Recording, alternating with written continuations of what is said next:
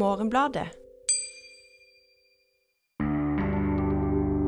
Eh, Det er som å se på en litt sånn, ja, sånn eh, ja, pornografisk fremstilling av, eh, av, av menn. Da. Um, så er det selvfølgelig erotisering av, av militæret, på en måte, og, eller fetisjering, da. Hei og velkommen til Morgenbladets film- og TV-podkast. Mitt navn er Elise Dybvig. Jeg er kulturjournalist her i avisen. Og sitter i dag faktisk helt alene i studio, men har heldigvis med meg kritiker Aksel Kielland. Hallo? Hallo. Og filmkritiker Ulrik Eriksen. Hei! Med meg på linje fra litt ulike steder, bl.a. filmfestivalen i Cannes. Det skal ikke handle om Cannes denne, denne gangen, men jeg tenkte i hvert fall å begynne med, med Cannes, fordi at ifølge en fransk nyhetsside så satte ukrainske filmskapere på ingen måte pris på flydemonstrasjonen som nylig, for litt siden, innleda Cannes-visningen av filmen Top Gun Maverick. For da, når de ukrainske filmskaperne hørte lyden av noen svære fly på himmelen, så forventa de instinktivt å høre lyden av bomber. Men det ble ingen bomber, og i stedet kunne man se en himmel full av streker i flaggene og fargene til det amerikanske flagget. Fordi at det er 36 år siden at eh, Tom Cruise i rollen som Pete Maverick Mitchell ble tatt opp på Top Gun, flyskolen som trener eliten av USAs jagerflygere.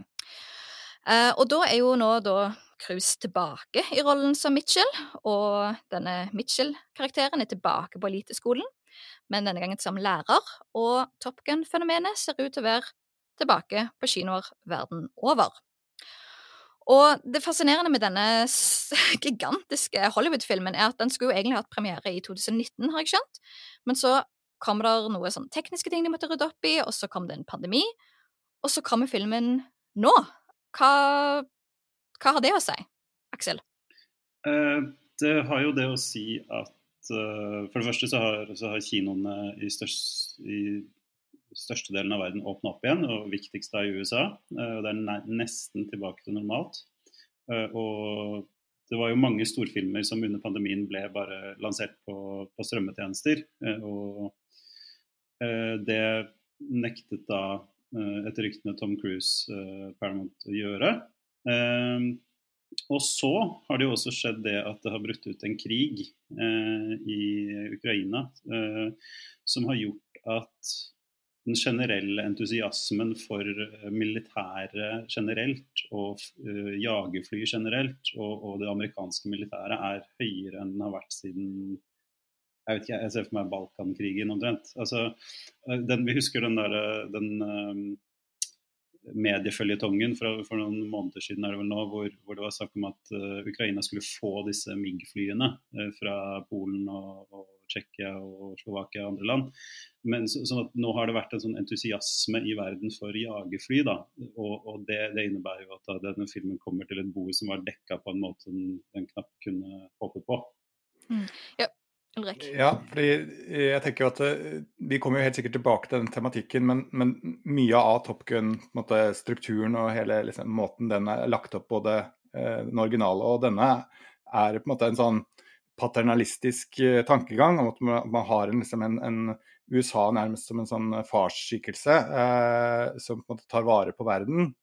Eh, og den, eh, den, historien som på en måte er jo etablert i kalde krigen, Uh, den har jo på en måte lidd litt de siste tiårene. Ti men, men, med Ukraina-krigen så har den på en måte kommet tilbake i fullt monn, og vi på en måte aksepterer det, den historien i mye større grad nå enn for bare noen måneder siden. Da. Så sånn sett er jo timingen bare fantastisk for produsentene. snakk om altså Hvis Norge tjener, er krigsprofitører på Ukraina-krigen, så er også Paramount da, på en måte. er det noe med liksom at um, for, for, filmen er jo på en måte Vi kommer tilbake til gira opp på det han er gira opp på, men, men er det altså det at det er noe som kunne vært mye mer usmakelig med denne filmen hvis han hadde kommet da, si, i 2020 versus nå, da? Ja, det tror jeg absolutt. Altså, eller altså, hva skal man si Det Usmakeligheten er der fortsatt, kan du si, men, men folk, er, folk, er, mye mer mottakelig for, for liksom, denne logikken og dette verdensbildet. Nå, det er lettere å svelle? Mm. Ja, altså, det er, ikke, det, er, det, som, det, er, jo bare et par år siden dette ville bli tatt imot som et litt sånn uh, Enda en sånn her ekkel amerikansk krigspropagandafilm. Uh, og den er jo på en eller annen måte det, men, men, den, uh, men den får en annen klangbunn i dag, da. Mm. Og bare for å liksom ta kjapt um, hva som skjer her, da. Um, og jeg har ikke noe forhold til den første filmen, hadde egentlig ikke sett den, men jeg er veldig glad at jeg så den rett før jeg så denne nye, fordi at um, det er så mye som denne nye filmen bygger sånn på den gamle. for da er det jo det at Top Gun-skolen har blitt gitt et svært farlig og viktig militæroppdrag, og de hyrer inn Cruise, da, som, som nevnt, for å undervise de siste årenes aller beste studenter i hvordan de skal lykkes med dette militæroppdraget. Og blant studentene så finner vi sønnen til han som var Cruises beste kompis og flykollega i første film, men som da døde i en, i en flyulykke. Så det er liksom roughly um, hva skal jeg si, rammen rundt, da. Og så er det jo det at denne Top Gun-filmen, at den kommer nå, og tyder jo, sånn som du var inne på, Aksel, at eh, Hollywood tenker nå, nå slipper vi de store kanonene. Og du kan jo se konturene til en slags svær blockbuster-sommer med påkasta filmer som Jurassic World, så kommer man bitte litt, og så får du Lightyear. Så får du Elvis, og så får du en ny svær Marvel-film i, i, form av Thor, Love and Thunder. Og for da virkelig vise at Hollywood er tilbake for fullt.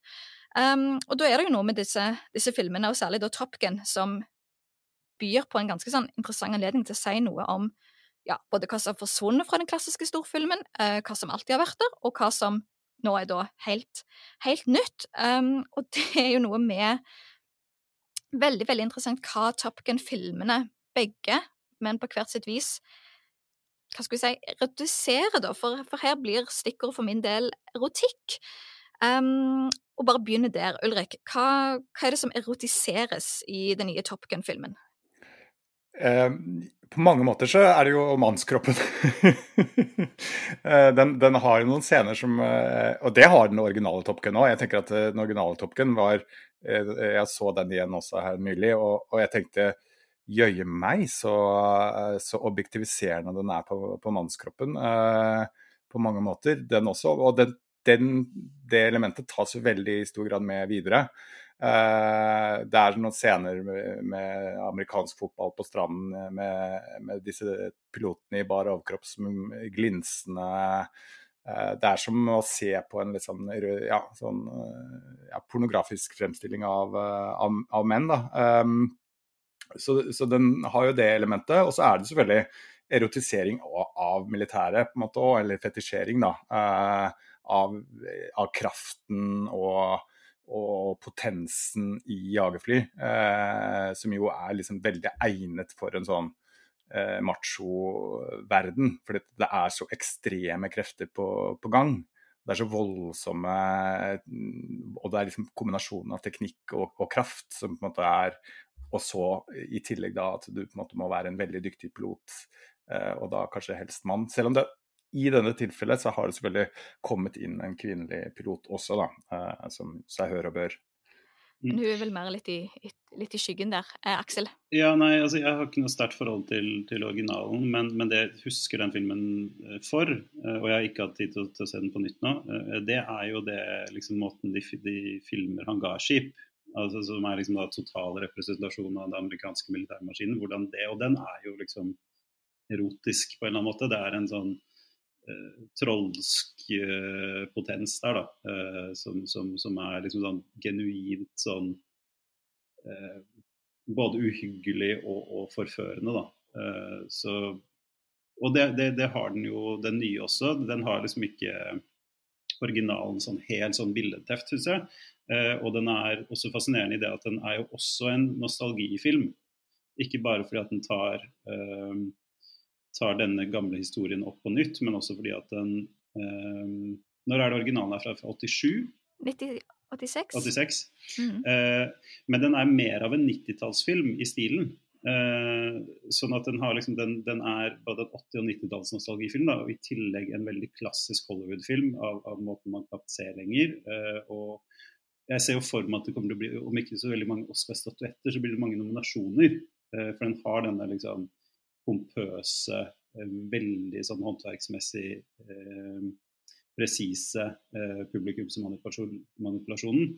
Eh, og i tillegg så har den jo noe som er fullstendig fraværende i, i det meste Hollywood lager av actionfilm i dag. Det er jo det at uh, mesteparten her er ekte fly. Den har en følelse av fysikalitet og fart og, og uh, Ja, altså det er, uh, det er en film du føler i kroppen da, på en måte du ikke gjør om, om disse Marvel-filmene vi snakket om nylig. eller det meste annet av, av store spesialeffektfilmer.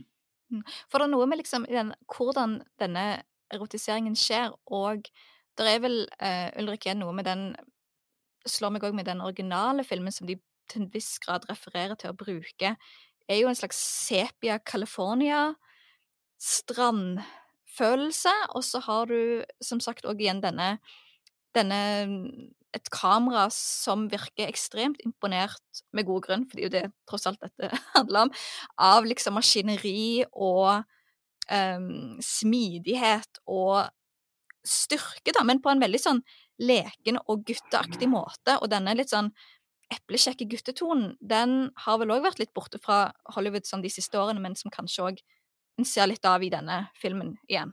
Ja, og den har jo på en måte ikke fått lov til å være der, eh, både fordi den på en måte ble så mm, mye brukt og så klisjéfull at den på en måte mistet sin, sin kraft. Eh, og så, og så, har det i tillegg kommet på en måte et, en, en, eh, endring i måten vi diskuterer og snakker om seksualitet på film eh, de siste fire-fem årene også, som på en måte også problematiserer en sånn litt sånn enkel og grei fremstilling av tiltrekning og seksualitet, som på en måte var lov i større grad på 80- og 90-tallet. Uh, og gjerne da i et veldig sånn mannsblikk, da.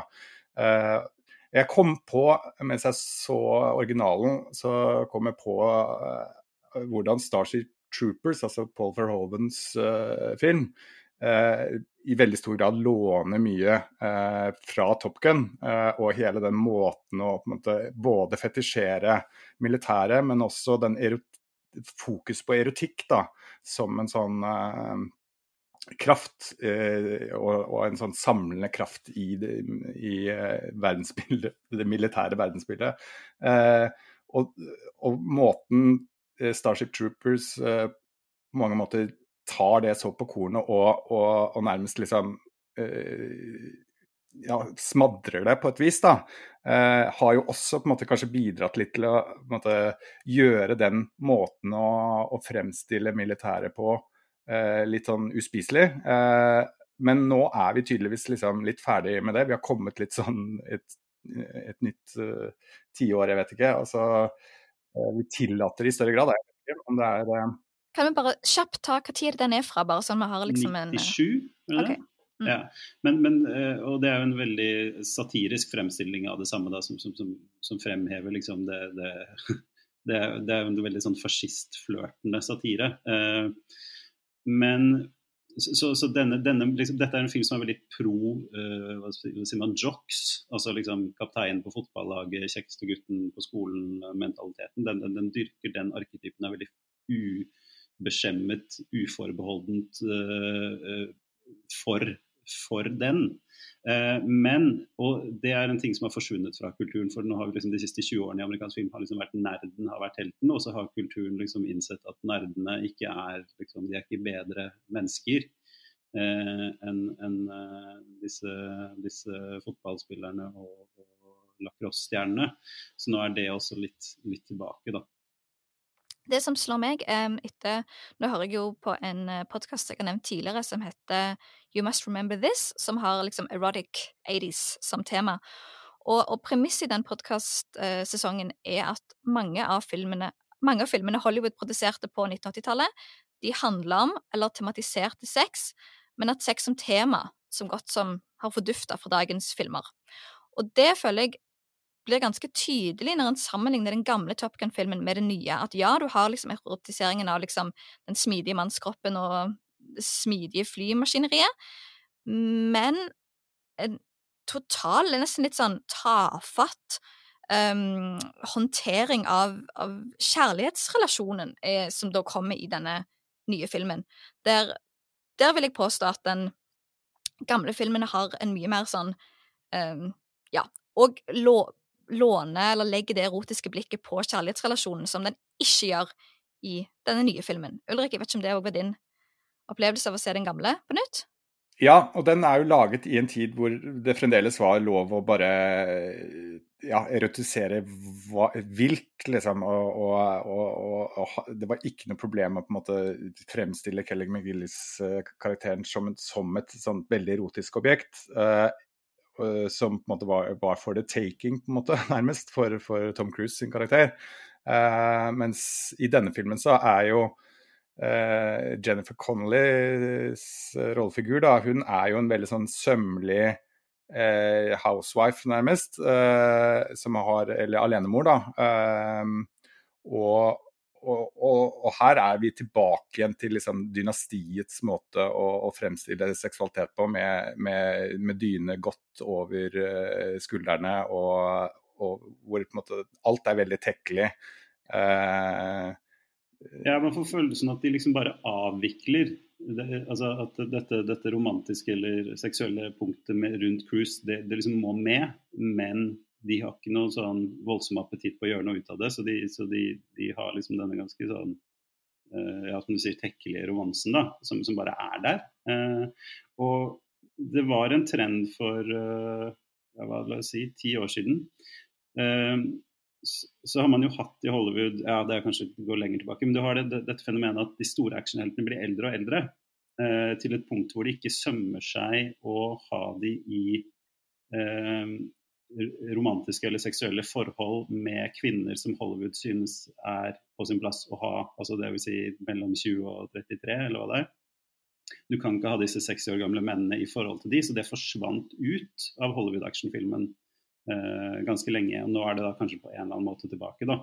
Men, men eh, den amerikanske action, action, actionfilmen har blitt veldig sånn påtakelig kjønnsløs da, i det, i det 20. Århundre, nei, 21. århundre. Og det tror jeg også har en del med å gjøre at liksom, pornografien har forsvunnet ut av kulturen fordi pornografi er så enkelt tilgjengelig på internett. sånn at da liksom filtreres det ut av uh, kulturproduktene. da, Mens det før, før liksom kunne lade de med en eller annen spenning som nå folk får utløp for andre steder.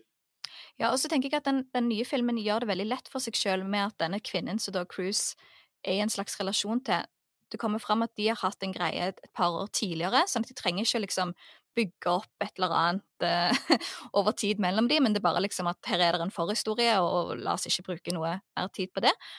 Og så slår det meg òg jeg vet ikke helt, Nå har jeg ikke så mange eksempler på akkurat dette, men hvis en sammenligner med, med, hvordan Nå har du jo òg en, en, nyetablering av denne Jurassic World-greien, uh, der òg kvinnen, eller det som blir en slags kjærlighetsrelasjon, i mye større grad um, tilhører en annen sfære enn den som da denne mannlige actionhelten sjøl tilhører. For eksempel at i, i den originale Top Gun-filmen så er jo kjærlighetsinteressen til Cruise hun, eh, hun, underviser jo på skolen, og det skaper problemer fordi at oi, hun er lærer, uh, hva, hva, hva, gjør dette med liksom maktforhold og, og, den type ting. Mens her har de veldig effektivt plassert, i det nye altså, plassert hun på en, på en bar, sånn at det er ingen måter egentlig at den, de to verdenene mikses eller kompliseres på noen selvs måte, annet enn at det, her går folk når de har lyst til å spille piano og drikke litt øl.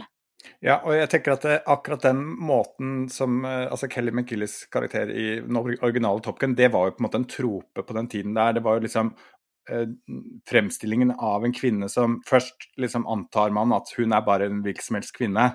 Eh, men så viser det seg at hun egentlig er professor i et eller annet, eller at hun egentlig kan utrolig mye, og egentlig er hun liksom uh, Hun er på en måte nærmest uh, mye bedre også uh, i, i sitt fag. Uh, og det er jo Mye av det som på en måte er den liksom erotiske spenningen i den originale Top Gun, er jo nettopp at hun er læreren. Så Han er jo forelska i læreren. Han, uh, og hun kan veldig mye om jagerfly, selv om hun aldri har uh, styrt et. da.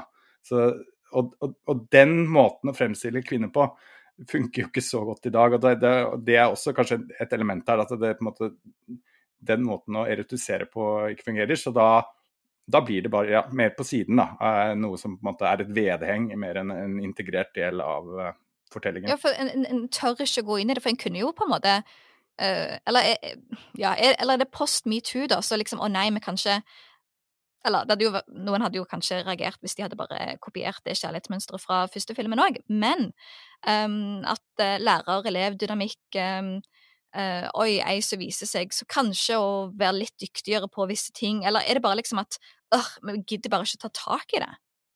Jeg, jeg syns som sagt at det her, her bare altså Det virker ikke som de har noe lyst til å fortelle en historie om, om uh, Tom Cruise og Jennifer Connolly, men det er bare liksom det, det er et hull i det til, i, til, det i manus, og så må de bare dytte inn noe der.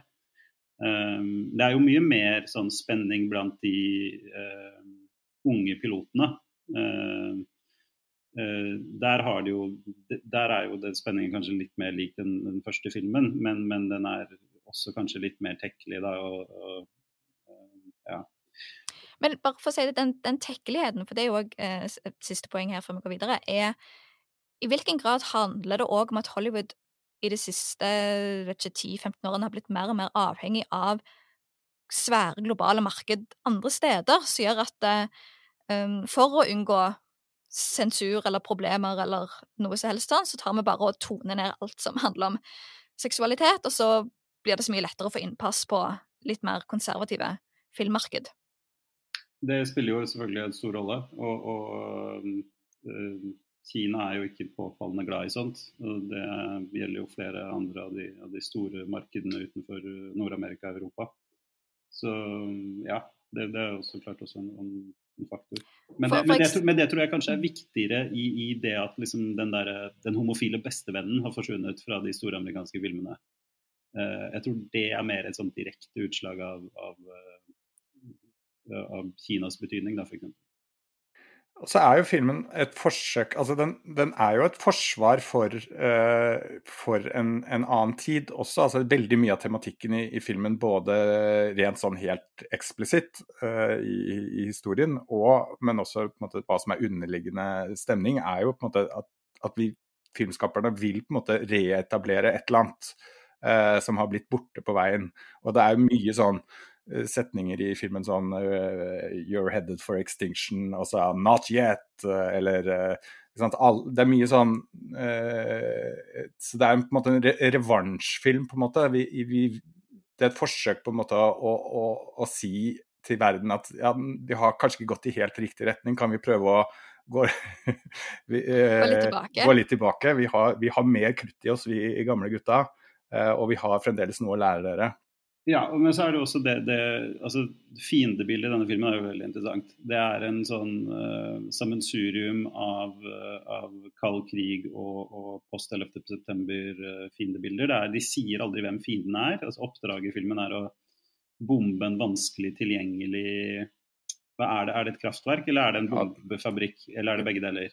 Ja, det er en bombefabrikk. Ja, atom, ja, altså de, ja, de skal i stoppe noen av ura, uh, altså lage atombombe. Uh, men de, de, dette landet, eller hvem det er, omtales, omtales bare som fienden. Uh, og noen, i noen bilder ser det ut som Midtøsten, andre bilder ser det ut som uh, tjukkeste Russland. Så, så det er en sånn det sier, hvor, sier noe om troen på Amerikas plass. Det, altså, fiende, altså, det vil alltid være en eller annen fiende han vil se omtrent ut som dette. Det er det øh, denne filmen har, men det er ikke så viktig hvem det er. Og det er ikke så viktig for publikums innlevelse. Det er sånn, dette er sånn Amerika gjør, øh, og det er en god ting. Det er en, fascinerende.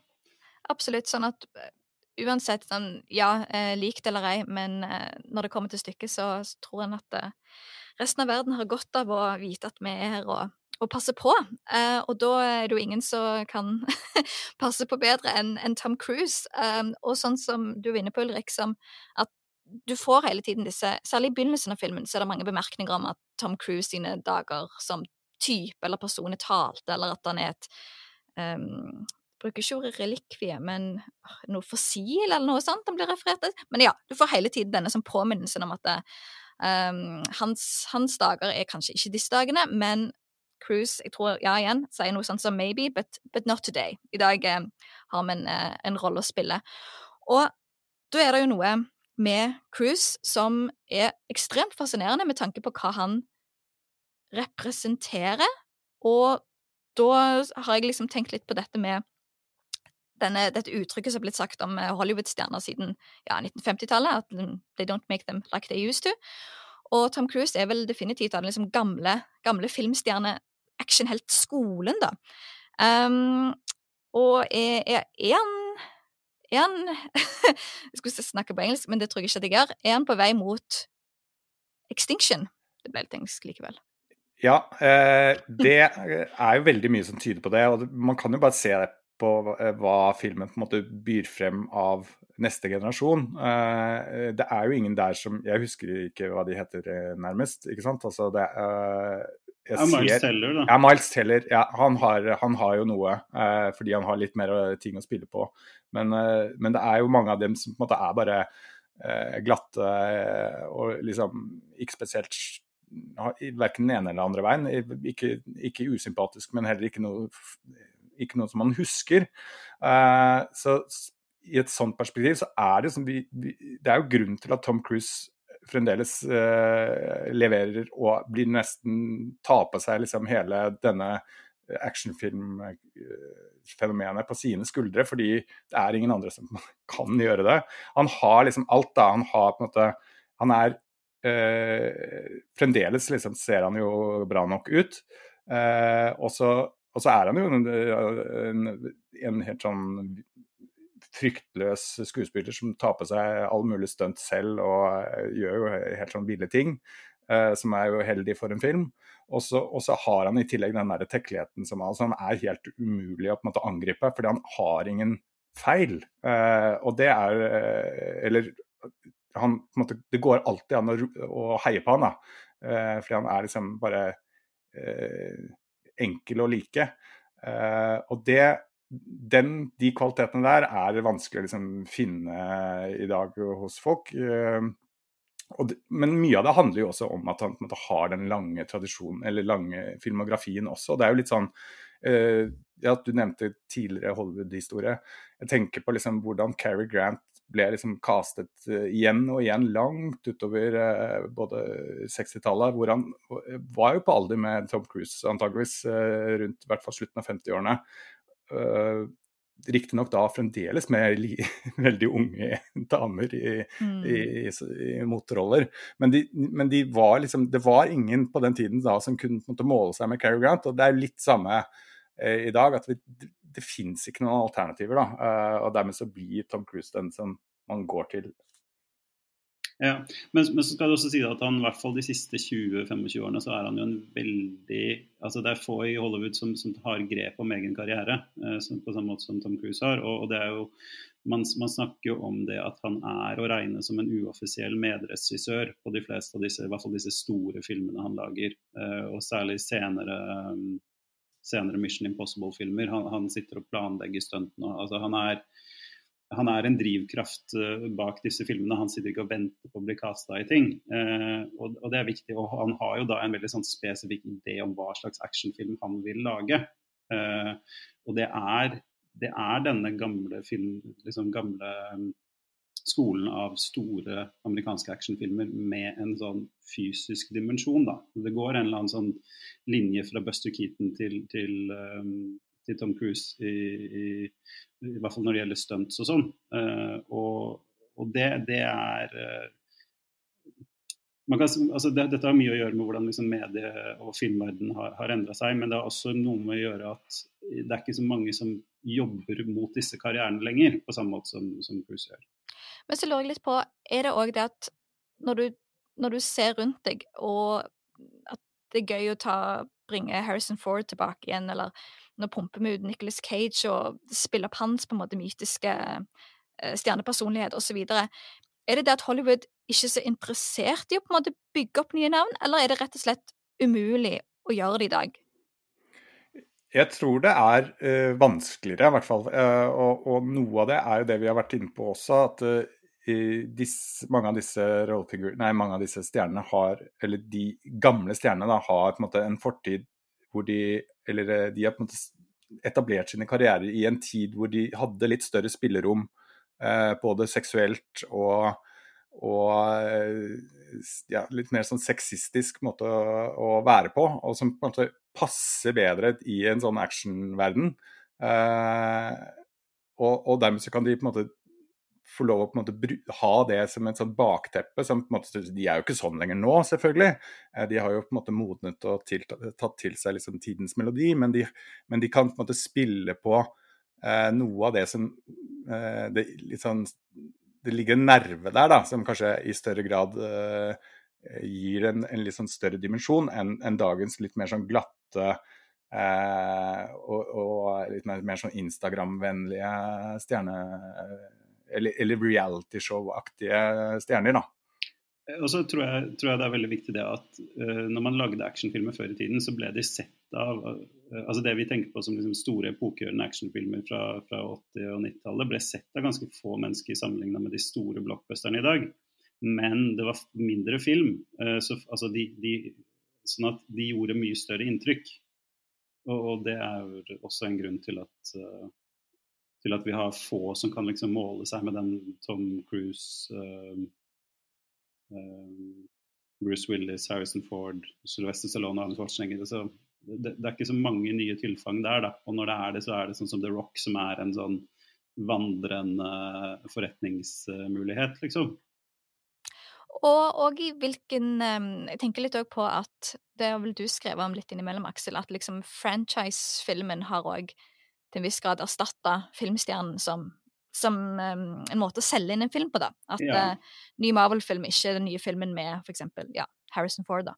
Mm. Nei, det, det, det, er den mm. nye filmen med et stykke av dette universet du kjenner, også et vilkårlig utvalg av skuespillere. Og det er jo noe studioene selvfølgelig foretrekker, fordi de, det gir de mye større kontroll.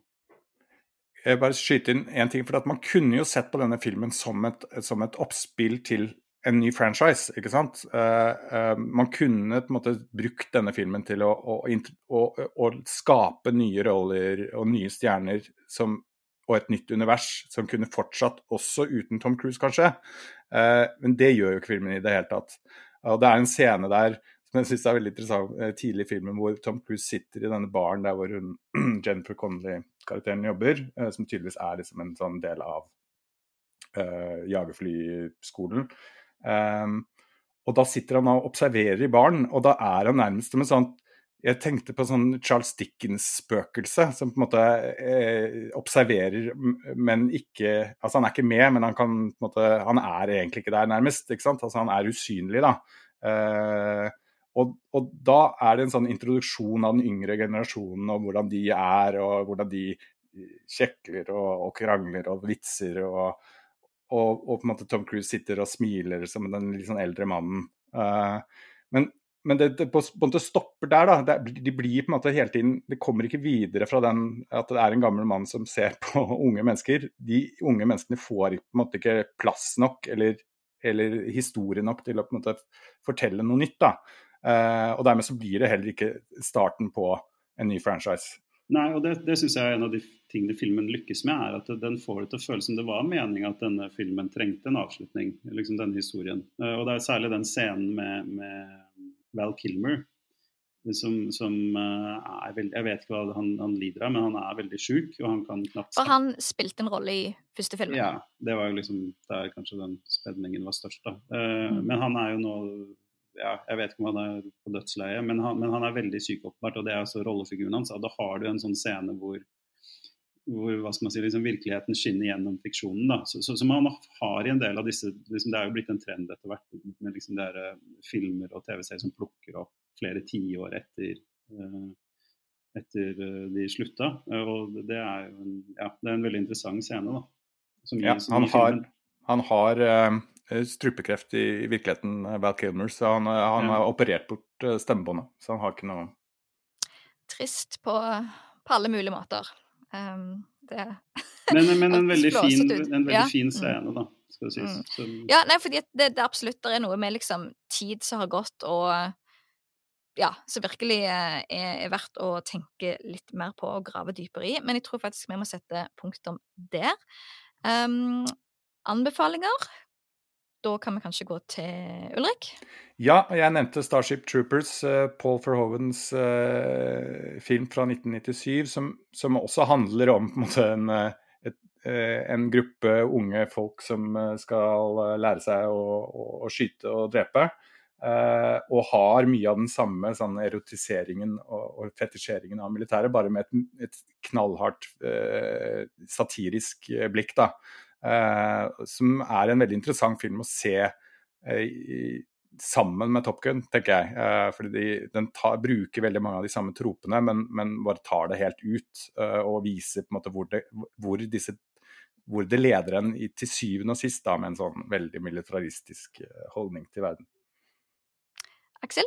Eh, jeg vil si se Top Gun Maverick, ja, hvis, hvis, man tror man kan ha glede av det. Det er kjempegøy i kinosalen. Det, det, er en eh, film med litt tvilsomt eh, ideologi og, som er raskt glemt, men veldig veldig gøy når man sitter der. Uh, og så vil jeg Jeg sitter nå har sett min siste film i Cannes og har da ja, det har vært litt så som så i år, men det, det, liksom, det store funnet for min del i Cannes er Owen Kleins 'Funny Pages', som er en, en, historie om en ung mann som har lyst til å bli tegneserieskaper, og som leter etter mentorer på, på feil sted. Eh, en sånn veldig sånn god uh, klassisk amerikansk indiefilm som også fanger en del av den der karikerte og, og liksom groteske preget i, i, den type tegneserier. Er inspirert av. Da. Så den blir forhåpentligvis å se på norske kinoer, eller i hvert fall festivaler etter hvert. Kult. Da kan jeg ikke si at dette er en film jeg anbefaler, men jeg vil i hvert fall uh, trekke den fram, fordi at på strømmetjenesten HBO Max så kom jeg over uh, Risky Business, så jeg tror er fra 1982 eller 83. en av uh, Men veldig, veldig ung Tom Cruise, som spiller en gutt som går på videregående, og foreldrene har reist bort, han har huset til seg sjøl. Og den filmen gir en jo virkelig inntrykk av at um, det er mye det er mye bra som har skjedd siden den gang, når det gjelder framstillinger av um, særlig da uh, tenåringsgutter og deres forhold til, til, jenter i amerikansk film. Men, uh, men så slår en jo òg at det er jo ikke dette som Det er jo ikke dette eller ingenting. Det må jo være noe imellom her. Men uh, hvis en vil liksom Jeg ser for meg som Brett Kavanaugh, klisjé-idé om uh, ja, hvordan det var å være ung, ung, hvit mann i USA på begynnelsen av 80-tallet, så er risky business et et greit sted å starte. Så, så, det var det vi hadde for i dag. En kan gå inn på morgenbladet.no for å lese mer om film og TV. Der kan en òg tegne abonnement på avisen. Og så har det seg sånn at jeg blir nå borte et halvt år, skal i permisjon. Men da slipper Ida inn, som har vært innom litt tidligere. I hvert fall et par episoder nå fram til sommeren. Og så plukker hun opp tråden igjen etterpå til høsten. Så det blir veldig bra likevel. Så får alle bare ha det veldig fint, og så snakkes vi.